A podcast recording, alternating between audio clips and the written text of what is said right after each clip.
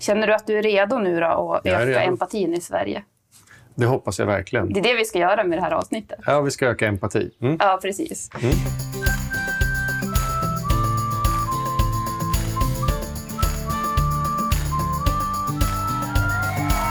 Låt dig smittas av glädje i podcasten som förgyller din dag. Välkommen till Glädjepodden med Sandra och gäster. Första avsnittet av Glädjepodden. Givetvis så inleder vi det här med kanske det viktigaste inom ämnet glädje. Nämligen att glädjen är till för att delas. Du ska få möta stressforskaren och författaren Dan Hasson. En otroligt varmhjärtad och fin person som sprider hur mycket glädje och kärlek och visdom och inspiration som helst i den här världen. Dan kommer bland annat att lära oss att tänka på den andres bästa, vilka magiska resultat lite hövlighet kan ge, hur vi kan omvandla smärta till kärlek och att det är onödigt att prioritera den här tiden som vi har fått i våra liv till att må dåligt. Själv så har jag insett att jag faktiskt har gått omkring och stundvis varit omedvetet ohövlig. Så det här har jag ju då fått, nu har jag fått göra som Dan säger att man ska göra. Att man är brutalt ärlig med sig själv och att man tycker om sig själv ändå. Och så ser man vars man kan förbättras. Vi får se. Kanske är det så att du också blir inspirerad till att vara brutalt ärlig mot dig själv. Hur som helst så får du göra dig redo för ett extremt informativt och intressant avsnitt. Jätteroligt Dan att vara här med dig. Vilken ära att du vill vara med i Glädjepodden. Ja, det är en glädje att få vara med i Glädjepodden. Ja, men usch, nu blev det sån här Göteborgs-humor. Men, men det är väl bra, det förgyller bra, det är tillvaron. också glädje. Det gillar vi. Ja, nej, men jag lyssnade på dig. Du har varit med i Framgångspodden två gånger, visst är det så? Mm. Ja, det stämmer. Ja, jättefantastiska avsnitt. Och, Mm. Eh, ja, det är faktiskt första gången jag har lyssnat om något avsnitt. Så jag har lyssnat tre gånger på det senaste avsnittet. För det Oj. var så här, jag blev så lycklig i hjärtat och gick omkring med gåshud. Så jag kände att jag behövde i, lyssna igen och anteckna. Och, Tack, vad glad jag blir. Ja, du är ju stressforskare. Mm. Och det som jag föll för mest i det här senaste avsnittet i Framgångspodden, det var ditt prat om empati och eh, medmänsklighet. Mm. Så jag tänker att det är det jag kommer grilla dig på idag. Om det är okej. Absolut. Ja. Men jag tänkte att vi ska börja kolla läget. Hur Mm. det är med dig. I den här podden så kollar vi det på ett lite annorlunda sätt. Jaha. Så att vi säger inte så här, hur mår du? Utan du ska få identifiera dig med någonting. Och Mhm. då tänkte jag så här, om du utifrån dagsläget nu skulle identifiera dig med en känsla. Vilken känsla är du nu? Ja, just nu, just nu skulle jag säga är känslan kärlek. Om, men det är ju ingen grundkänsla. Alltså om vi ska titta strikt psykologiskt utifrån de, eh, de ja, men grundkänslorna. Men, men upplevelsen kanske, kärlek skulle jag säga. Härligt, Det då är du en väldigt bra vibe just nu. Det hoppas jag. Ja. Mm. Du som lyssnar kan få fundera på ditt håll också, vars du är nu i, i känslan, om du vore en känsla. Mm. Men jag skulle vilja veta lite mer om dig och din bakgrund. Hur kom du in på din bana i livet? Jag är ju stress och arbetsmiljöforskare sedan 21 år tillbaka. Eh, och eh, jag eh, doktorerade då vid Uppsala universitet och sen har jag varit verksam vid Stressforskningsinstitutet vid Stockholms universitet. Och idag bedriver jag min forskning vid Karolinska institutet och vid Mayo Clinic i USA. Eh, Och eh, hur kom jag dit? Ja, jag, jag har alltid, precis som du beskrev innan eh, samtalet här, så jag har alltid velat hjälpa människor. Det har varit min starkaste drivkraft i livet och det är fortfarande det. Kan, skulle du kunna berätta lite grann om dina hövlighetsstudier? Det tycker Just jag lät det. så spännande. Eh, Men för närvarande så bedriver min kollega Karin Viom och jag en studie om hövlighet i detaljhandeln. Eh, och nu tittar vi bara på förekomst av hövlighet, ohövlighet, respektlöst beteende, men också goda exempel på hur hanterar man när det väl uppstår. Eh, och varför tittar vi på det ämnet? Jo, det är ju för att ehm, eh, den studie som jag kanske har blivit mest imponerad av genom åren eh, kom jag i kontakt med för ungefär nio år sedan. Det var en professor från Kanada som berättade om att man hade gjort en insats för att öka hövligheten på ett sjukhus. Eh, och man gjorde en enkel insats, och jag ska snart berätta vad det var. Men den lilla insatsen gav de mest dramatiska effekterna som jag har eh, upplevt som forskare. Eh, dels förbättrades relationer, symptom på stress minskade samtidigt som cynism, den här bitterheten som en del utbrända kan uppleva och som är så svår att få bort, men den minskade. Avsikt att sluta minskade, arbetsglädje arbetsglädje, engagemang ökade, sjukfrånvaron minskade med 38 procent. Så jag har liksom aldrig sett något liknande. Ja. Och de flesta av de här effekterna var en direkt konsekvens av ökad hövlighet. Men kan du berätta, vad är hövlighet och ohövlighet? Hur definierar man det? Det, det är lite mer komplicerat eftersom det är ett kontinuum. Alltså det som är hövligt för mig behöver inte vara hövligt för dig. Eh, Eh, om, om jag tycker att det är kanske till och med trevligt när någon dunkar mig i ryggen och säger “tjena, hur är läget?” eller något sånt där. Eller gnuggar mig på flinten. Det kanske jag tycker är jättekul. Då är inte det något problem att någon gör det. Men en annan person kanske tar väldigt illa upp av en och samma sak. Så att om vi vänder på det och säger ohövlighet så är det som ett kontinuum. Det betyder allt ifrån oavsiktliga handlingar, alltså man menar inte att såra någon. Man kan säga till någon så här, “vilken snygg frisyr du har” om man menar väl, men den andra tar illa upp för den tror att man hånar dem eller liknande. Men är det också ohövlighet? Ja, då, så det är ju att man inte menar något illa. Eh, man har en god avsikt, men det blev fel. Eh, det kan också handla om att man sitter i ett kontorslandskap. Du vill inte störa dina kollegor, så du går iväg och pratar i telefon, men du ställer utanför någons kontor och stör den personen. Så, så, att även om, så konsekvensen är ju det som gör att det blir ohövligt, men avsikten var ju inte ohövlig. Den snar, kanske var tvärtom. Men sen kan det också vara så att det övergår till mer verbal aggression, att man svär och skriker. Och då är det mer ut, o, uttalat respektlöst och ohövligt till till och med fysisk aggression, där du kastar saker och slåss och sådana saker. Så ohövlighet, det är ett kontinuum. Det går från oavsiktligt till avsiktligt verbalt till avsiktligt fysiskt. För jag tror att det är ganska vanligt säkert då att man är ohövlig omedvetet. Ja, och det finns två delar här också. Eh, och den, vi, den kan vi också komma in på. För att det är ju så att ohövligheten har ökat i hela samhället senaste, senaste decennierna. Så att det här är någonting som har ökat. Och det har ökat parallellt med psykisk ohälsa och självkänsla. Och då kan man fråga sig, hur, hur hänger de här ihop? Eller hänger de ihop? Ja, En delförklaring till att ohövligheten har ökat är just att självkänslan också har ökat. Eh, och om man tänker att eh, i mitten på 1900-talet så, så fanns det en rörelse driven av psykologer som, där man antog att roten till allt ont i samhället är låg, svag självkänsla. Man försökte sedan i olika studier visa det här, men lyckades aldrig. Utan man kunde se att självkänslan var någorlunda normalfördelad i fängelser, sjukhus, skolor, arbetsplatser. Var man än tittade så fanns det en del med bättre självkänsla, en del med genomsnittlig och en del med sämre självkänsla. Så det gick inte eh, att eh, ha den förklaringen då. Men icke desto mindre så var ju många av de här övertygade om idéns förträfflighet. Så det skapades en rörelse för att maximera självkänslan hos människor. Och det som händer då, när du har för mycket självkänsla, då får man ju en uppblåst självkänsla. Väldigt mycket fokus på sig själv. Och det finns två varianter av det här då. Det ena är den grandiosa, eh, förlåt, den, eh, när du har uppblåst självkänsla så kallas det narcissism. Och det finns två varianter av narcissism. Den ena kallas för den grandiosa narcissismen. Och där kan du tänka dig Donald Trump ungefär, någon som tror att den är Gud, mer eller mindre. Och sen har du en annan variant som är lite mer lurig, som också är en del av narcissismen. Den kallas för sårbarhetsnarcissismen. Att man tycker synd om sig själv och att man försätter sig själv i en offerposition och sen av den, med det i ryggen så tar man sig rätten att kränka andra och göra illa andra. Och så säger man, det är jag som är offret. Just det. Så det kan ju vara en så enkel sak som att du är på dåligt humör av okänd anledning. Eller chefen hälsade inte på dig som du önskade och då tycker du att du kan maska på jobbet och slösurfa och göra saker som inte är. Och du tycker att du har rätt till det för att du inte blir väl behandlad. Så om vi då tänker så här, när någon tar illa upp, det finns ju två delar. Dels kan det ju faktiskt vara någon som gör något otrevligt. Det kan vara avsiktligt, avsiktligt eller oavsiktligt. Det kan också vara någon som är väldigt lättkränkt. Alltså som, som går igång på nästan, som, eh, som vill, jag ska inte säga vill, men som har kanske vant sig vid att få en maktposition genom att göra sig till offer.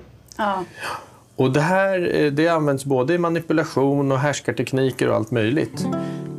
Så Okej, bara för att sammanfatta lite grann. Då. Så självkänslan har ökat de senaste decennierna. Narcissismen har då också ökat. Och har du mycket av någonting, då kan du också förlora mycket. Fallet blir ju större.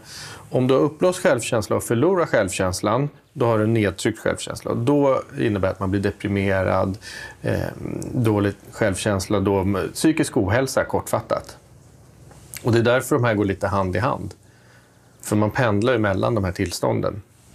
Alltså det här är jätteintressant. Jag Mm. tänker så här, jag ser inte det som äkta självkärlek. För att om man verkligen älskar sig själv, det skulle, tänker jag, aldrig kan bli vad ska man säga, uppblåst eller på något sätt skada någon annan. Men jag tror att, eller jag tänker så här, att det är att man föder egot. Att vi människor har inte riktigt Ja. koll på vad egot är för någonting. Och så ska man öka självkänslan och så går man på den här ytliga självkänslan. Hur tänker Mm. du kring det?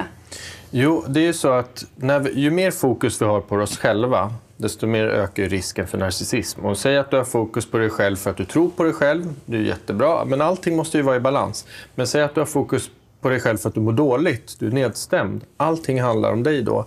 Det är också en form av narcissism. Och att man tar sig då kanske rättigheter som man inte skulle ha om man inte ansåg att man var i underläge, om du förstår vad jag menar. Så att, ja, jag tycker det ligger någonting i det du säger. Men att, eh, sen är det så med begreppen. Begrepp kan ju tolkas hur som helst. Eh, så säger jag självkänsla, då, då utgår jag från hur man resonerar inom de flesta forskningsstudierna om självkänsla. Medan i andra sammanhang, då börjar man ja, men i populärvetenskapliga sammanhang eller populära sammanhang, då börjar man ge självkänsla andra betydelser.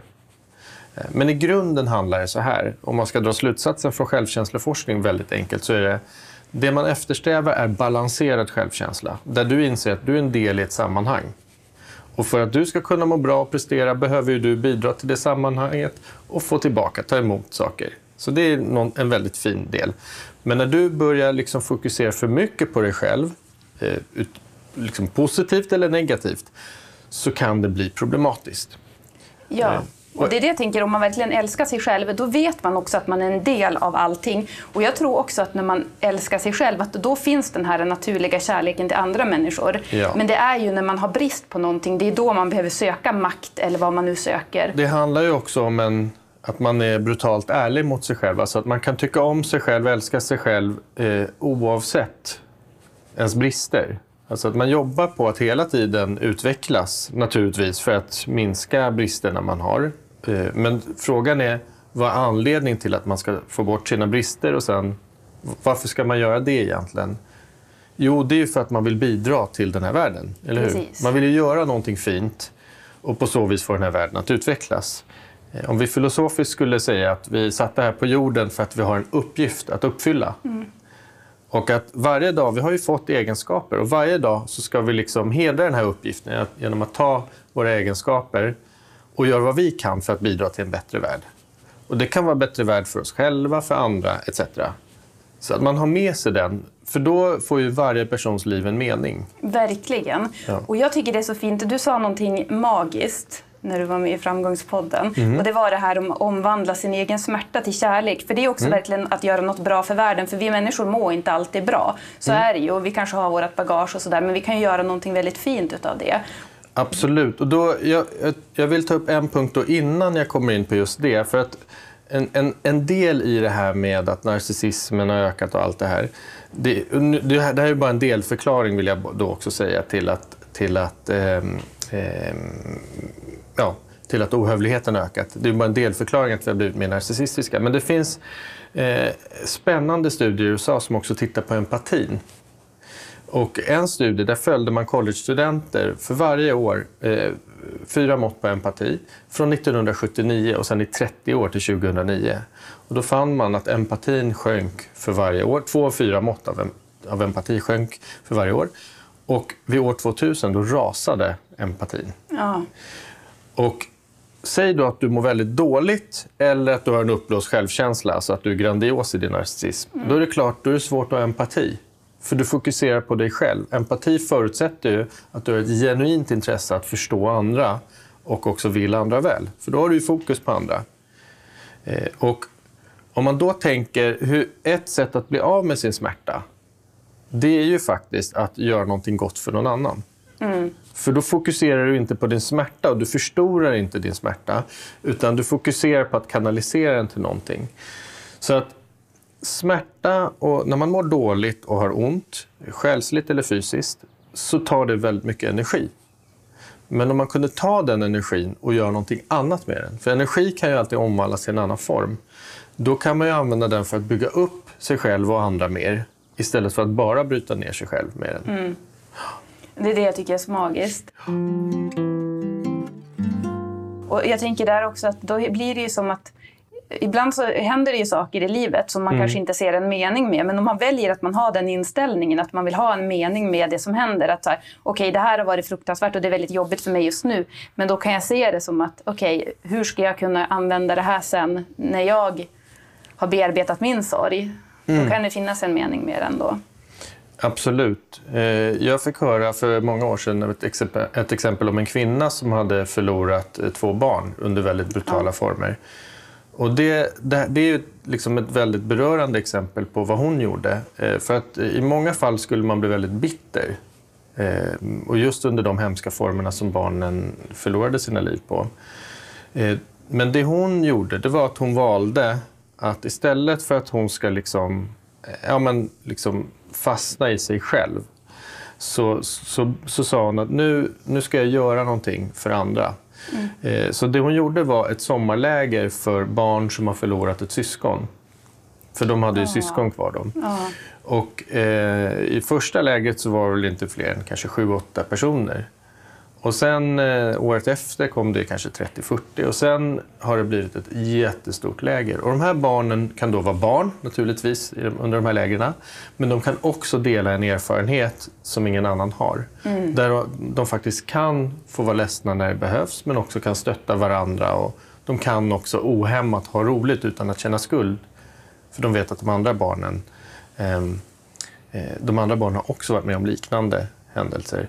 Så att hon tog sin smärta och hon kanaliserade den till någonting som hon liksom sådde frön för att liksom odla nya träd kan man säga. Ja. Och, och det, det brukar man kunna göra. Ibland behöver man stöd såklart för att kunna göra det. Det är inte alltid man kan göra det här själv. Men om man jobbar med den här inställningen så eh, kanske man får den insikten. För det är enormt energikrävande att må dåligt. Eh, Och jag menar, den energin kan man ju faktiskt använda till någonting annat. Ja, ja, verkligen. Och det finns ju forskning som tyder på att man blir glad själv av att göra andra glada. Det kan man ju tänka på än om man inte mår dåligt. Och då är det så att när du har fokus på andra, när du har empati, då måste du faktiskt också lämna dig själv för en stund, eller hur? Så du får ju som en semester, en naturlig semester, när du fokuserar på andra och gör gott för andra. Ja. Eh, Men allting, det är ju balans. Det är ju inte så att mm, alla problem i ens liv försvinner bara för att man bara hjälper andra. Det handlar ju inte om det. Eh, Utan det kanske handlar mer om en inställning. Att har man det svårt, så ett kanske ganska kraftfullt sätt att fokusera på hur man kan omvandla den smärtan till någonting vackert och fint. Jag försökte fly lite så förut när inte jag ville ta tag i de där, eh, ja du vet, djupaste monsterna där längst bak i garderoben. Och då tänkte jag att så här, ja, men min lycka det är att göra gott för andra. Men sen insåg jag att jag behövde nog kombinera det faktiskt för att kunna göra ännu mera gott. Det, det är den gamla traditionella kinesiska yin och yang. Man behöver balans med allting. Och, eh, och det, det är inget fel på att må dåligt ibland. Det måste man få göra och man behöver kunna, man behöver kunna få göra det. Men man behöver också kunna ta sig ur det.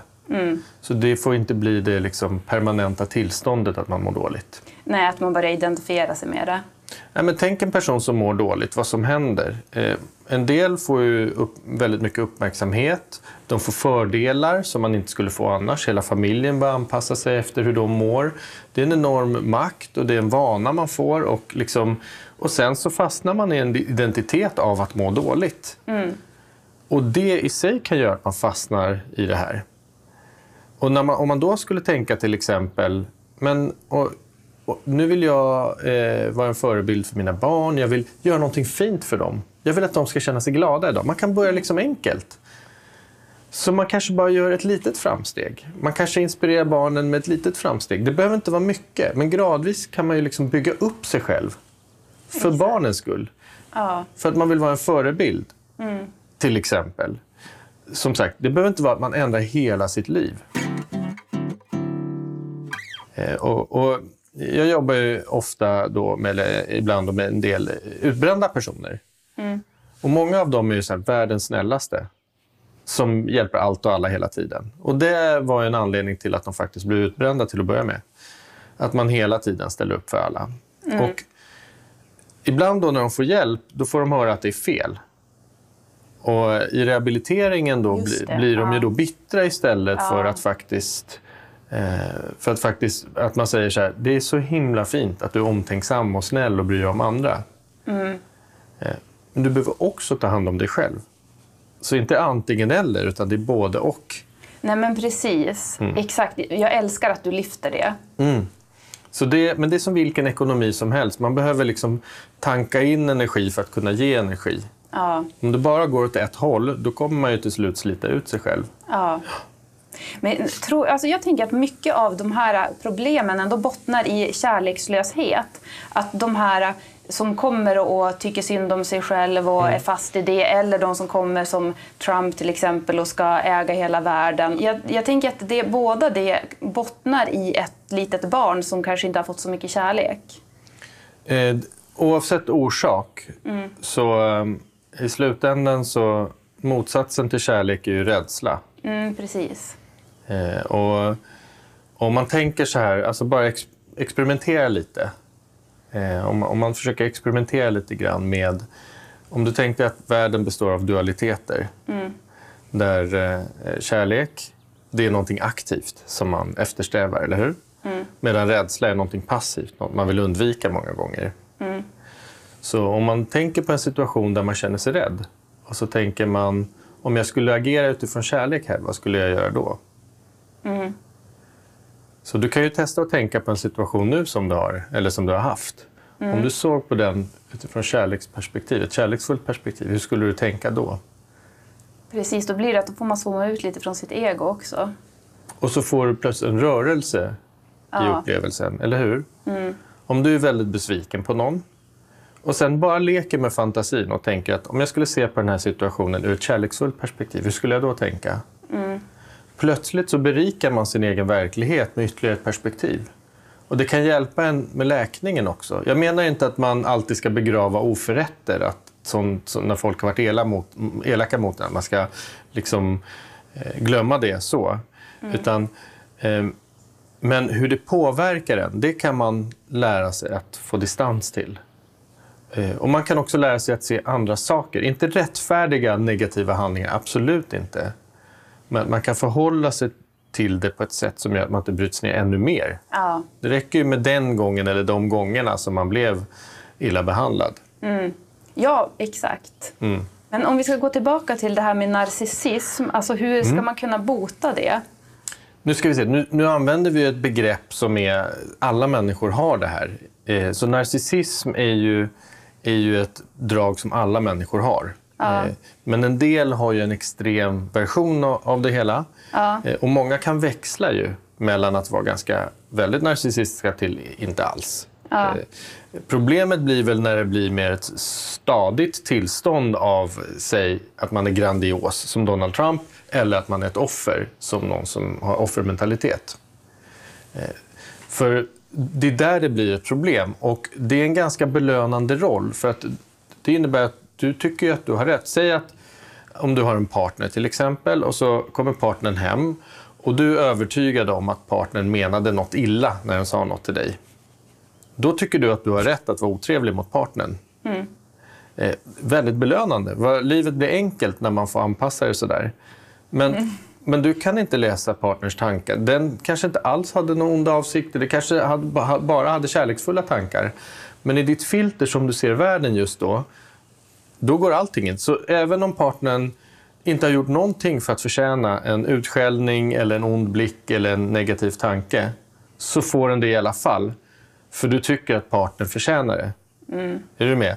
Det är inte så att partnern har gjort någonting, utan du har själv eh, serverat en tanke i part, eh, liksom låt partnern representera någonting som du sen vill bekräfta. Vi vill ju så gärna ha rätt. Det kallas för confirmation bias. Jag vill så gärna ha rätt. Så det är ganska belönande, eller hur? Att man rättfärdigar destruktiva och negativa beteenden under parollen att, man då, att det är mig det är synd om. Just det. Jag försvarar mig bara. Ja, det får man verkligen ta med sig, att man faktiskt ser världen ur sitt eget filter. Mm, jag hjälpte en gång ett par och då var det en eh, var, I det här fallet så var det för ovanlighetens skull kvinnan som slog mannen. Och då eh, frågade jag, men, eh, men hur kommer det sig att du slår honom? Och då sa hon, ja men det är jag som är offret i det här. Hon hade fått för sig att han var otrogen eller vad det nu var. Så hon sa, det är jag som är offret. Och då sa jag så här, okej, men om han såg sig själv som offer, skulle det vara okej att han slog dig också då? Nej, absolut inte. Och det är det jag menar med att när man målar ut sig själv som offer, då anser man sig, eller då tar man sig rätten att göra saker som man aldrig skulle göra i vanliga fall. När man var vid sina sinnesfulla bruk. Titta bara på krig eh, som finns runt om i världen. Där alla utmålar sig som offer och säger att det är självförsvar. Eller hur? Ja, Och det sker ju även på den individuella nivån. Och det här behöver vi gå ifrån. ja. Jag tänker ju mer man kan gå in i den här vanan att förstå en annan person innan man dömer.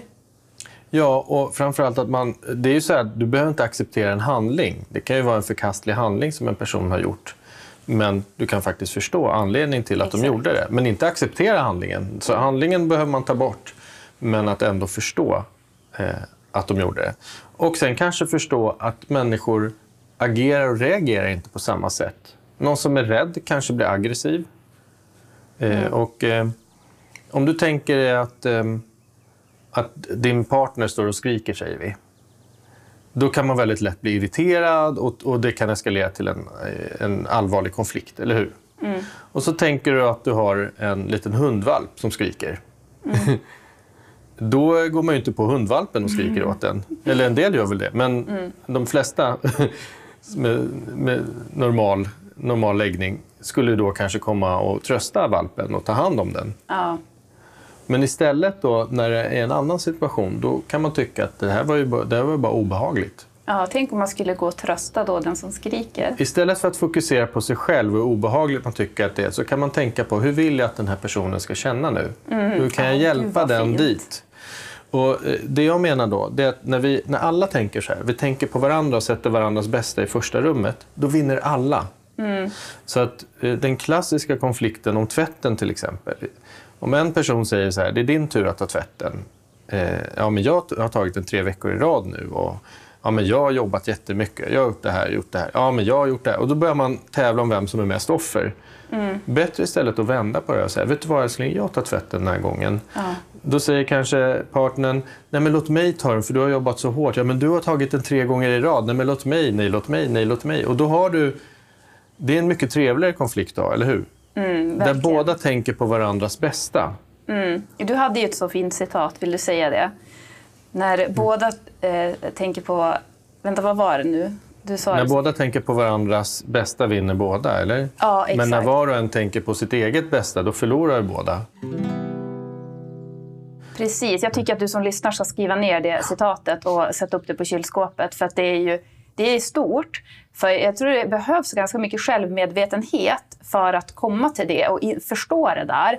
För ofta i relationer, särskilt kanske i nära relationer, till exempel i kärleksrelationer, att vi tyvärr möter den andra personen utifrån sina egna rädslor. Ja. Och när man är i sina egna rädslor, för man är ju som mest sårbar i en nära relation, då kan man ju inte heller sätta den andras bästa i första hand, utan då, gör, då sätter man ju kanske undermedvetet sitt eget, för man har lite taggarna utåt. Ja, man behöver, eh, när man mognar känslomässigt så kan man då få känslomässig distans. Så att man liksom kan se på sig själv utifrån. Och Det innebär att man kan ju också liksom skratta åt sig själv. Eh, Man behöver inte ta sig själv på fullaste allvar hela tiden. Nej.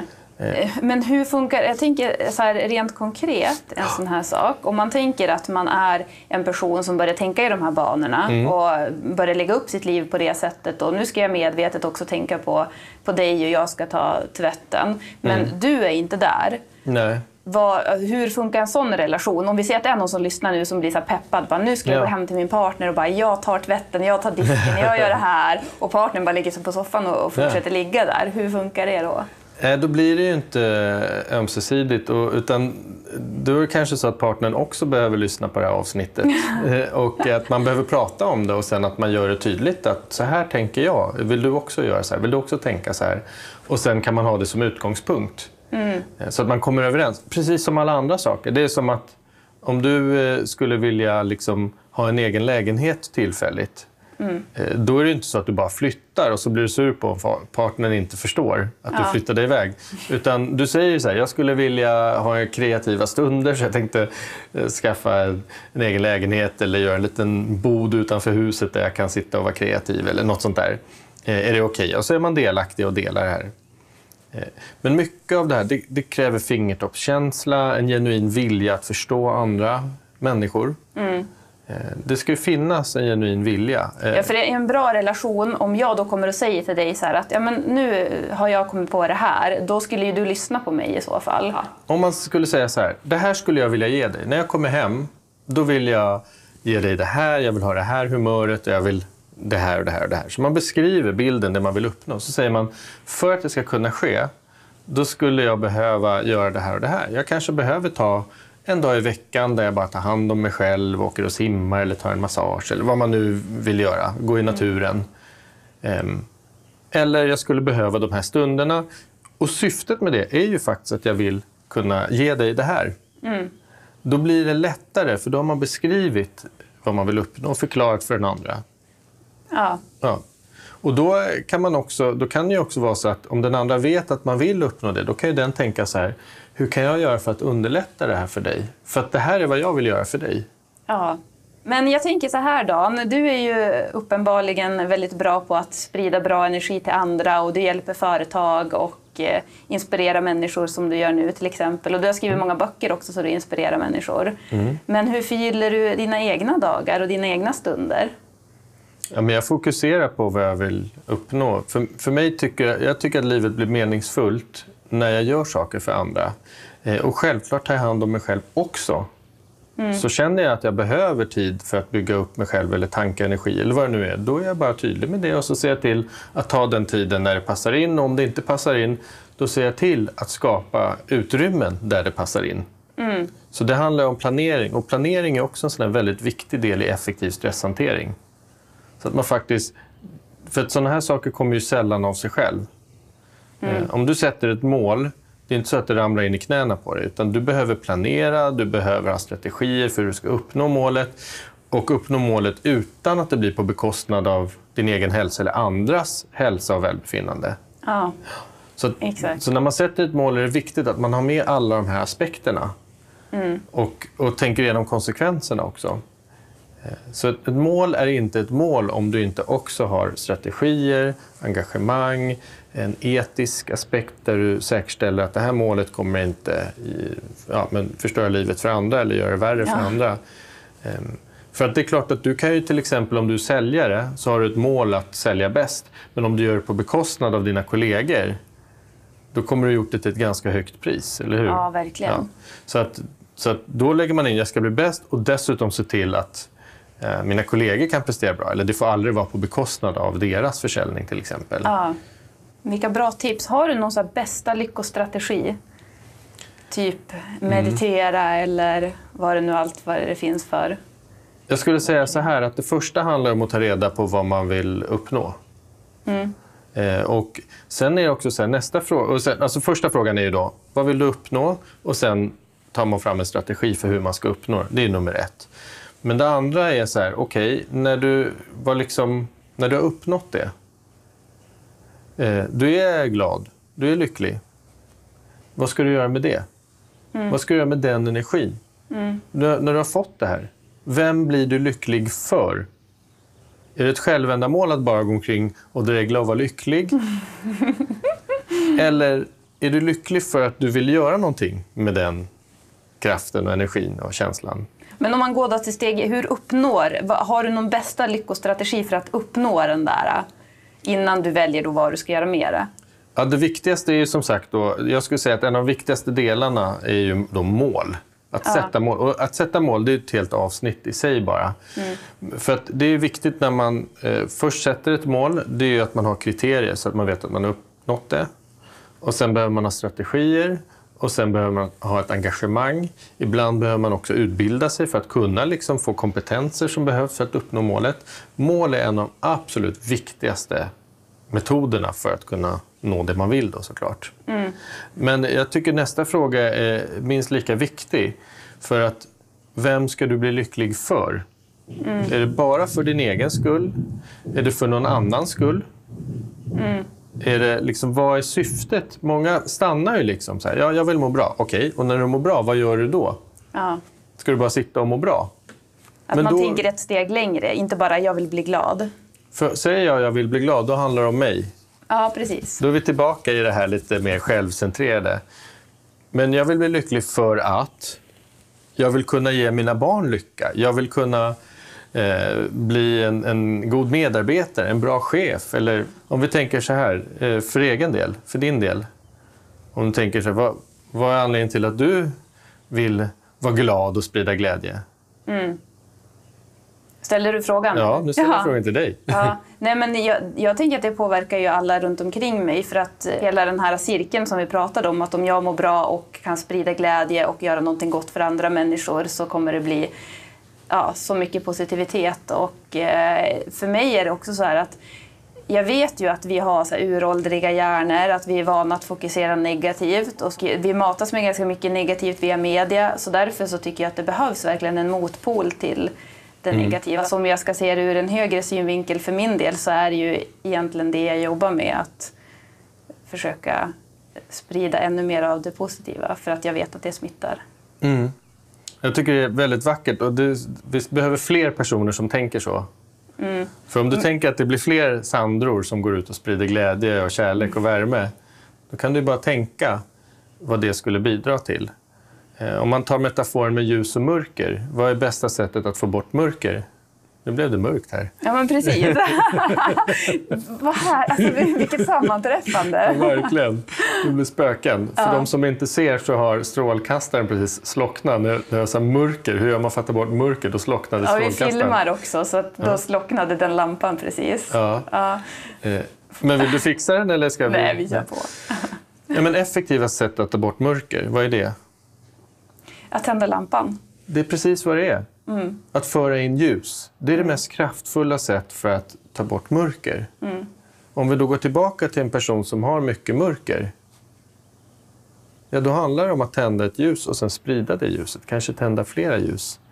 Precis, och så måste påminna sig själv om det hela tiden. För att det är ju ingenting som kommer naturligt, särskilt inte om man är van att vara i mycket mörker. Är man van att vara lycklig och välja den vägen och vara i mycket ljus, då är det lättare. Ja, men så är det. Vi är vanedjur. Så att det vi Mm. vänjer oss vid, det blir vi bra på. Eh, Men det är också så att, att om du har satt ett mål, ett riktigt mål, inte bara tänkt så här, nu vill jag det här. Det är inget mål, det är ett önskemål. Om du inte vill lägga ner den tid och ansträngning och energi som krävs för att uppnå något så är det inget mål. Så önskemål tenderar att dränera på energi medan mål ger energi. Det är så man vet att man har ett mål. Så att det handlar ju dels om att identifiera vad man vill ha istället för det man har nu eh, och, och sen eh, göra det som krävs för att uppnå det. Men ta ett, ett svårt, svårt exempel. Säg att du har barn som är nedstämt eller mår dåligt eller är stressat. Många, många eh, föräldrar mår jättedåligt över det. Och vad gör de då? Ja, de tar sin egen oro, sin egen ångest och sen överför de den till barnet. Ja, Och, hur, och det är all välmening. Det är för att de månar om barnet. Men hur eh, agerar barnet? De säger bara låt mig vara. För de vill inte förvalta föräldrarnas smärta också. exakt. Men om man då skulle vända istället och tänka så här, hur vill jag att mitt barn ska må i den här utsatta situationen? Jag vill att mitt barn ska känna de här känslorna eller ha det här. Okej, vad kan jag göra nu för att mitt barn ska uppleva det? Då blir det mycket lättare för barnen att också då få respekt för dig. Eh, För då behöver inte de förvalta dina negativa känslor. Och för dig känns det också mer meningsfullt att ge hjälpen eftersom de ju tog emot den också. Du kände att det var värdefullt. Ja, Medan istället då när, när man själv är orolig och så överför man sig oro, då blir det istället att barnen blir irriterade och skjuter bort den. Men på tal om det Ja. så har vi fått en lyssnarfråga som är jättebra. Det är en kvinna som heter Karin som undrar hur man kommunicerar med barn till en ensamstående narcissist om man är närstående till de här barnen. Alltså hon har sett tydligt att den här eh, ensamstående föräldern är en narcissist och har barn och hon själv står utanför och vet inte riktigt hur hon ska eh, förhålla sig till det och kommunicera. Ja, det är alltid komplicerat. För nu, nu, vet jag, nu har jag också använt begreppet narcissism. Och det finns ju diagnoser, alltså när det är en eh, mer allvarlig personlighetsstörning. Så det ska vi komma ihåg att för vissa är det ju inte tillfälliga tillstånd utan för vissa är det ju mer permanent och då finns det olika grader såklart av narcissism. Från liksom väldigt extrem till kanske mildare varianter. Ehm, Men precis som på alla andra sätt, då skulle jag säga att då är det viktigt att nummer ett då, vad vill man ge barnen? Vad vill man göra för dem? Hur vill man att de ska ha det? Och sen, det är mer komplicerat när det är någon annans barn. Sen är nästa fråga, hur mycket tid och energi kan jag lägga ner på det här? För att kan du inte lägga ner mer än, säg, 10 minuter om dagen eller en timme här och där, då behöver du anpassa din insats efter det. Kan du lägga ner mycket tid, ja då kan du anpassa insatsen efter det. Det. Eh, Men det är alltid svårt. När vi kommer till eh, området personlighetsstörningar, då är det riskabelt och det är komplicerat mer. Eh, Och då behöver man kunna hålla en känslomässig distans också. Särskilt om det är personlighetsstörningar som innebär att den störda är duktig på att manipulera. För då riskerar ju personen att bryta ner dig istället. Så att därför är det så viktigt att man vet vad man har att göra med. Och, ehm, ja, men ju- som jag ser det så är perspektivet som behövs är vad behöver då barnen och hur kan man ge det till dem på bästa sätt? Och helst då utan att kränka den här narcissistiska föräldern. Precis. Mm, för man vill ju helst ha föräldern med sig. Ja, Ja. ja, exakt. För det funkar ju inte att gå emot en narcissist. Nej, alltså det funkar ju men man får ju betala priset för det såklart. Ja, precis. Och jag tror att de vill väl kanske ha ändå kontakt med de här barnen. Så att, eh, då är det nog inte så bra att gå den vägen. Nej, för att det ingår i, som jag, vi pratade om tidigare, när man är mer narcissistisk och full av sig själv och full av smärta, då blir man mindre empatisk. Ja, Så att eh, när man liksom är uppblåst och uppfylld av sig själv så blir man mindre empatisk för andras behov. Det är bara att tänka på om du är stressad och kör bil och så är det en gångtrafikant, en äldre dam som ska gå över vägen. Även den finaste av själar kan ju sitta och koka och tänka negativa tankar i en sån situation. Ja alltså man kommer ju på sig själv ibland. Ja, men det är det som gör oss mänskliga. Och man, man behöver inte förebrå sig själv utan man kan ta några djupa andetag och bara tänka så här, ja, jag är en människa som har de här tankarna och känslorna. Jag behöver inte agera på dem. Man kan skämmas över att man har dem, det är helt okej. Eh, för att man vill inte ha de tankarna och känslorna. Och vill man så kan man ta ytterligare ett steg och tänka på hur vill jag tänka istället nästa gång det här händer? Ja, men det kanske ska vara en så här gammal tant som går över övergångsställe ska vara en reminder för mig att nu har jag möjlighet att andas i 30 sekunder. Precis. Eller hur? Så då blir det en gåva istället. Ja, Men eh, jag vill bara komma tillbaka till det här med att lyckan inte är ett självändamål, som jag ser det. Och glädjen är inte ett självändamål, utan man är glad för någonting eller för någon. Man vill uppnå någonting med det här. Och det är det vi ofta glömmer när, vi, när vi jobbar med den här personliga utvecklingen. Så det finns ju en lyckorörelse som det kallas. Egentligen är det felöversatt. Det är glädjerörelse. Happiness, glädje. Ja. Som, som du säger. Du säger ju glädje, inte lycka.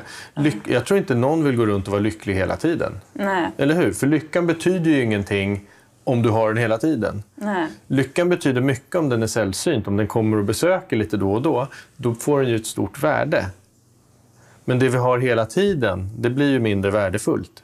Ja, men det är ju livets kontraster vi är här för. Eh, Exakt. Ja, Därav att man måste tillåta sig själv att ibland må dåligt, ibland må bra och så vidare. Men, men det här negativa bör ju då inte överväga. Eller det, är, inte det som bör bli vanan, för då blir det ju faktiskt svårare för en. Man försvårar för sig själv då om man faktiskt vill uträtta någonting. Och ibland så klarar man inte av att hantera det här själv. Jag vill bara betona det. Ibland behöver man söka hjälp. Och ibland är det så att vänner kan hjälpa, ibland är det så att man behöver professionell hjälp. Och det, det är också så att ibland tror man att ett jobb eller någonting annat gör mig lycklig. Men lycka är något, eller glädje är någonting man skapar inifrån. Ja, ja. Så mycket handlar om att inte ta sig själv på så stort allvar. Man kan skratta lite grann åt sig själv. Mm. Ja. Det, varför ska man ta sig själv på så stort allvar? Så Mm. viktig är man väl ändå inte, eller hur? Nej, men det är man ju inte. Det är ju... Om du tänker så här, du har kommit till jorden, du ska uträtta någonting för att förbättra världen. Mm. Då är det ju inte så viktigt att prioritera att må, må dåligt under en lång tid. Utan då är det kanske snarare, nej men eller hur, så viktig är man ju, för du har ju någonting att uträtta. Men jag tänker också när man håller sig själv tillbaka, att man skäms för någonting eller man känner så här, men åh, törs jag, ska jag göra det där? Det är ju lite högmod över det också, för vem är jag att hålla mig själv tillbaka egentligen? Så kan det definitivt vara. Absolut. Så kan det definitivt vara. Men det spelar ingen roll. Så länge det här tillfälliga högmodet kan ge dig en insikt som gör Ja. att du faktiskt tar tag i, i situationen. Sen är det så här, alla gör ju vad de vill med sina liv såklart. Ja. Eh, Men vi får också leva, vi får också ta hand om de konsekvenser som vi får av våra val. Ja. Så alla val kostar ju någonting. Så då gäller det ju att välja på ett sätt som gör att vi får ut mer fördelar än nackdelar av valen. ja, men precis. Ja. Men eh, jag tycker du har varit inne på några fina saker. Det här med att man är lite mer icke-dömande gentemot sig själv men också då därmed kanske också mi- mindre dömande mot andra. Så blir det ju automatiskt. Ja, det blir ju enklare så faktiskt. Och, och jag, jag ser idag eh, ofta i debatten hur eh, folk gör sig till talespersoner för andra och säger att det här är kränkande eller det här är det ena eller andra. Man dömer och värderar det folk säger och gör.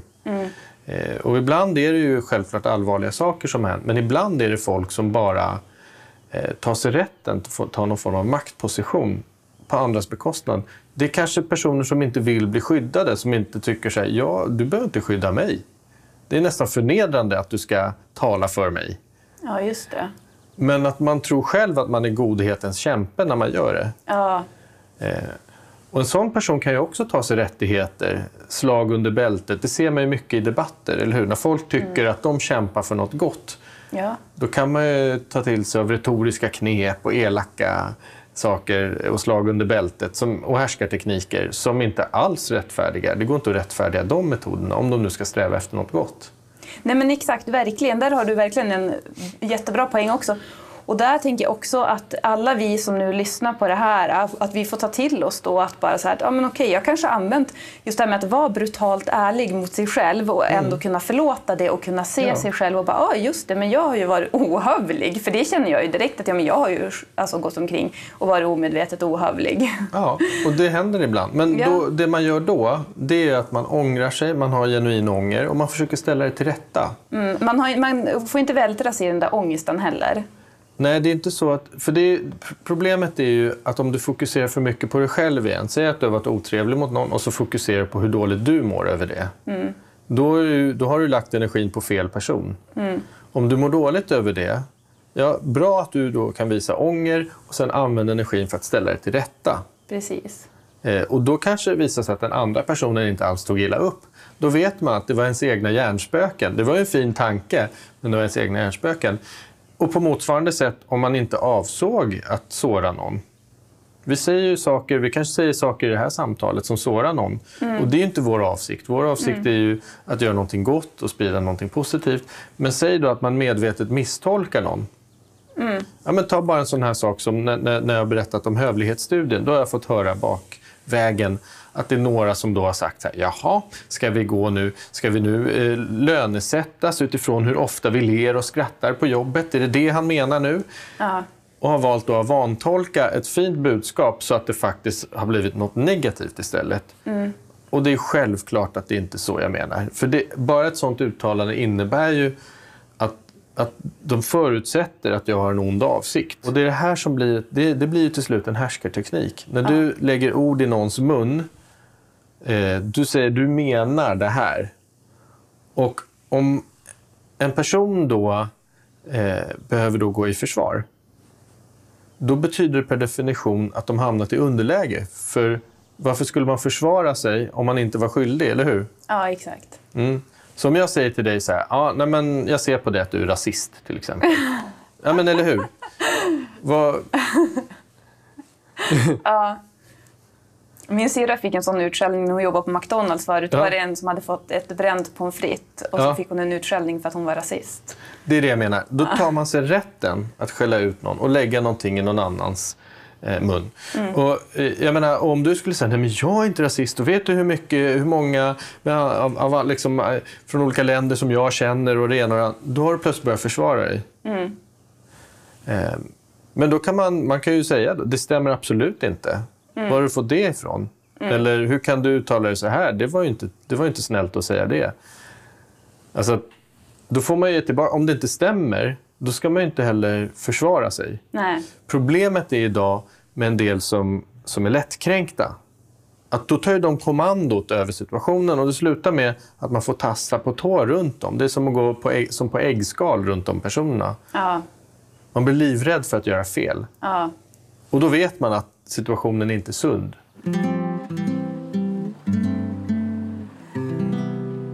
Men du Dan, jag tänkte vi ska börja avrunda. Jag har ett par avslutningsfrågor till dig här. Jag skulle vilja veta vad du gör för att... Le- alltså när du känner dig som mest levande, vad gör du då?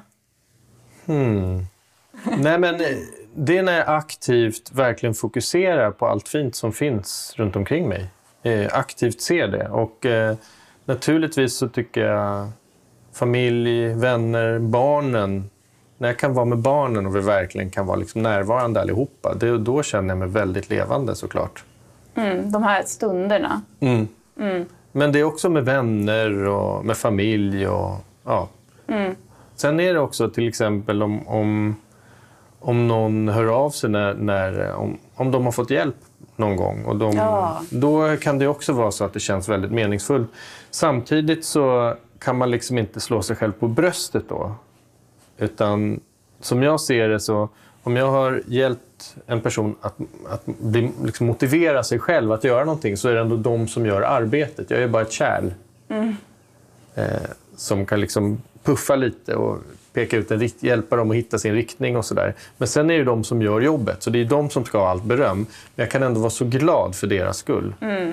Eh, och väldigt glad när det går bra för andra också. Gud vad du är fin och ödmjuk. Ja, jag vet inte, men, Jo, men det- ta, ta bara till dig det. men det är en genuin känsla i alla fall. Det, det är så jag tänker genuint. Jag känner genuint. Jättebra svar. Men sen skulle jag un- undrar jag också, vad skulle du göra om det inte fanns några sociala regler eller normer? Är det någonting du längtar efter att göra? Alltså något litet galet som du känner att där håller du dig själv tillbaka? Ja, du. Jag skulle gå och skämta ohämmat med folk. Alltså, det skulle vara så roligt om man inte var orolig för att någon skulle bli kränkt när man skämtar. Det skulle jag tycka var jätteroligt. Men nu finns det ju sociala regler som gör att man, man måste vakta sin tunga. Och, eh, och det, det med rätta. Liksom. Det är bra att man kan ha, till en viss gräns såklart. Men eh, jag kan tycka att till exempel många av våra komiker har blivit hårt ansatta när de försöker förgylla tillvaron för folk. Och många komiker vågar inte eh, dra lite råare skämt som faktiskt kan vara väldigt roliga, eh, tycker jag. då. Men andra uppskattar inte dem. Eh, Och det är klart, tar man ett skämt på allvar, som är liksom ett rått skämt, då blir det ju inte roligt. Nej. Eh, Men det är det här med att, som jag ser det, så behöver man, den här balanserade självkänslan innebär ju också att du har lite självdistans. Ja, men exakt. Så man kan skratta lite åt eländet. Och, och, och humor är då en ventil. Humor gör att du faktiskt kan få distans till en svår tillvaro. Ja. Så genom att skratta lite åt eländet, och åt livet och åt svårigheter, då kan man faktiskt eh, få ny energi. Ja, men jättebra svar. Jag känner att jag är lite peppad på det också. Var lite mer ohövlig höll jag på att säga. Men, Nej, men våga, våga. våga liksom skoja lite och ibland så kanske man trampar snett och då får man ju be om ursäkt och, och backa. Och det är inte mer med det. Ibland gör man fel. Det måste ju alla acceptera. Så är det bara. Ja, precis. Och så sen om man hade en god intention och man ville lätta upp en stämning, då kanske det ändå var värt ett försök. Alltså Absolut. Man, ja. Hur sammanfattar vi det här avsnittet nu då? Har vi höjt empatin här? Vi har kanske i alla fall ökat medvetenheten om en hel del saker. Jag tycker du har Mm. kommit med jättemycket bra tips. Allt ifrån det här som vi pratade om i början med att gå hem och bara jag vill ditt bästa, nu tar jag tvätten. Ja, men, men också tänka så här. Om alla som lyssnar nu tänker så här. Att eh, om jag skulle höja empatin till den grad, alltså sund, det ska inte vara överdriven empati då, men sund empatinivå. Om jag skulle höja den till den nivån som jag anser är, är bra att ha, vad skulle vara annorlunda i livet? Hur skulle mitt liv vara då? Eh, Och framförallt, är det något som hindrar mig från att bara göra det nu? Exakt. Och det krävs så väldigt lite för att mm, faktiskt bara förändra någon annan människas liv. Eller bara förändra någon annan människas stund. Det är ju också väldigt värdefullt, så det ska man inte underskatta. Jag fick höra en eh, lite rolig historia om en rabbin, eller rolig, men en, en enkel, eh, tänkvärd historia om en rabbin. När det var en eh, kvinna som kom till den här rabbinen och så sa hon så här, ja, och jag är så elak och destruktiv och så här, och, och eh, hur, hur blir jag av med det här? Var snäll. Och sen så Men det är inte svårare gör än så. motsatsen. Ja, Och, och det kan låta som en enkel och banal historia, men faktum är att våra, vi, vi, är bete, vi är vanedjur. Så det vi gör, det vänjer vi oss vid. Det blir vi bra på. Och självförebrå, om vi har mycket självförebråelser, om vi gör destruktiva saker, då vänjer vi oss vid det. Och då behöver man börja göra motsatsen, som vi beskrev tidigare. Tänd ett ljus och tänd flera ljus och sen låter du ljuset öka gradvis. just det. Man behöver inte göra den här resan på en dag, man kan göra det gradvis. Mm. Ja. Mm. Ja, men tusen tack Dan, fantastiskt. Jag älskar allt du har delat här idag. Ja, men tack detsamma och tack för ditt fina engagemang för det här och göra världen bättre. Ja, tack du med. och tack till dig som har lyssnat. Om man vill eh, kontakta dig, du, finns, du har en hemsida, Dan Hasson. Ja, danhasson.se kan man gå in på och eh, man kan också gå till healthwatch.se. Eh, och där finns det övningar som jag har tagit fram. Den är kostnadsfri för privatpersoner, den sidan. Just det, den har vi inte pratat någonting om, men det är ju det du jobbar med. Så att, Ja, så det, det är en del av det som, som jag gör för att försöka eh, ja, men göra det till en bättre värld. Så att var och en kan gå in där och där finns det övningar. Så trots att man, ja, det är turbulent i livet, när man har gjort övningarna i en forskningsstudie då, så visar det sig att man sov bättre, kände sig gladare, hanterade stress bättre, koncentrerade sig bättre. Och vi kunde mäta motsvarande effekter via blodprover som visar samma sak. Alltså att man sov bättre, kände sig gladare och var mindre stressad. just det. Så det är på healthwatch.se. Ja. Gå in och kolla på det. Eh, som sagt, tack för att du lyssnade. Gå och kör de här utmaningarna nu. Far hem och ta tvätten och allt vad det är för någonting. Eh, dela gärna det här avsnittet också för att höja empatin ännu mer. Och sprid glädje. Var snäll.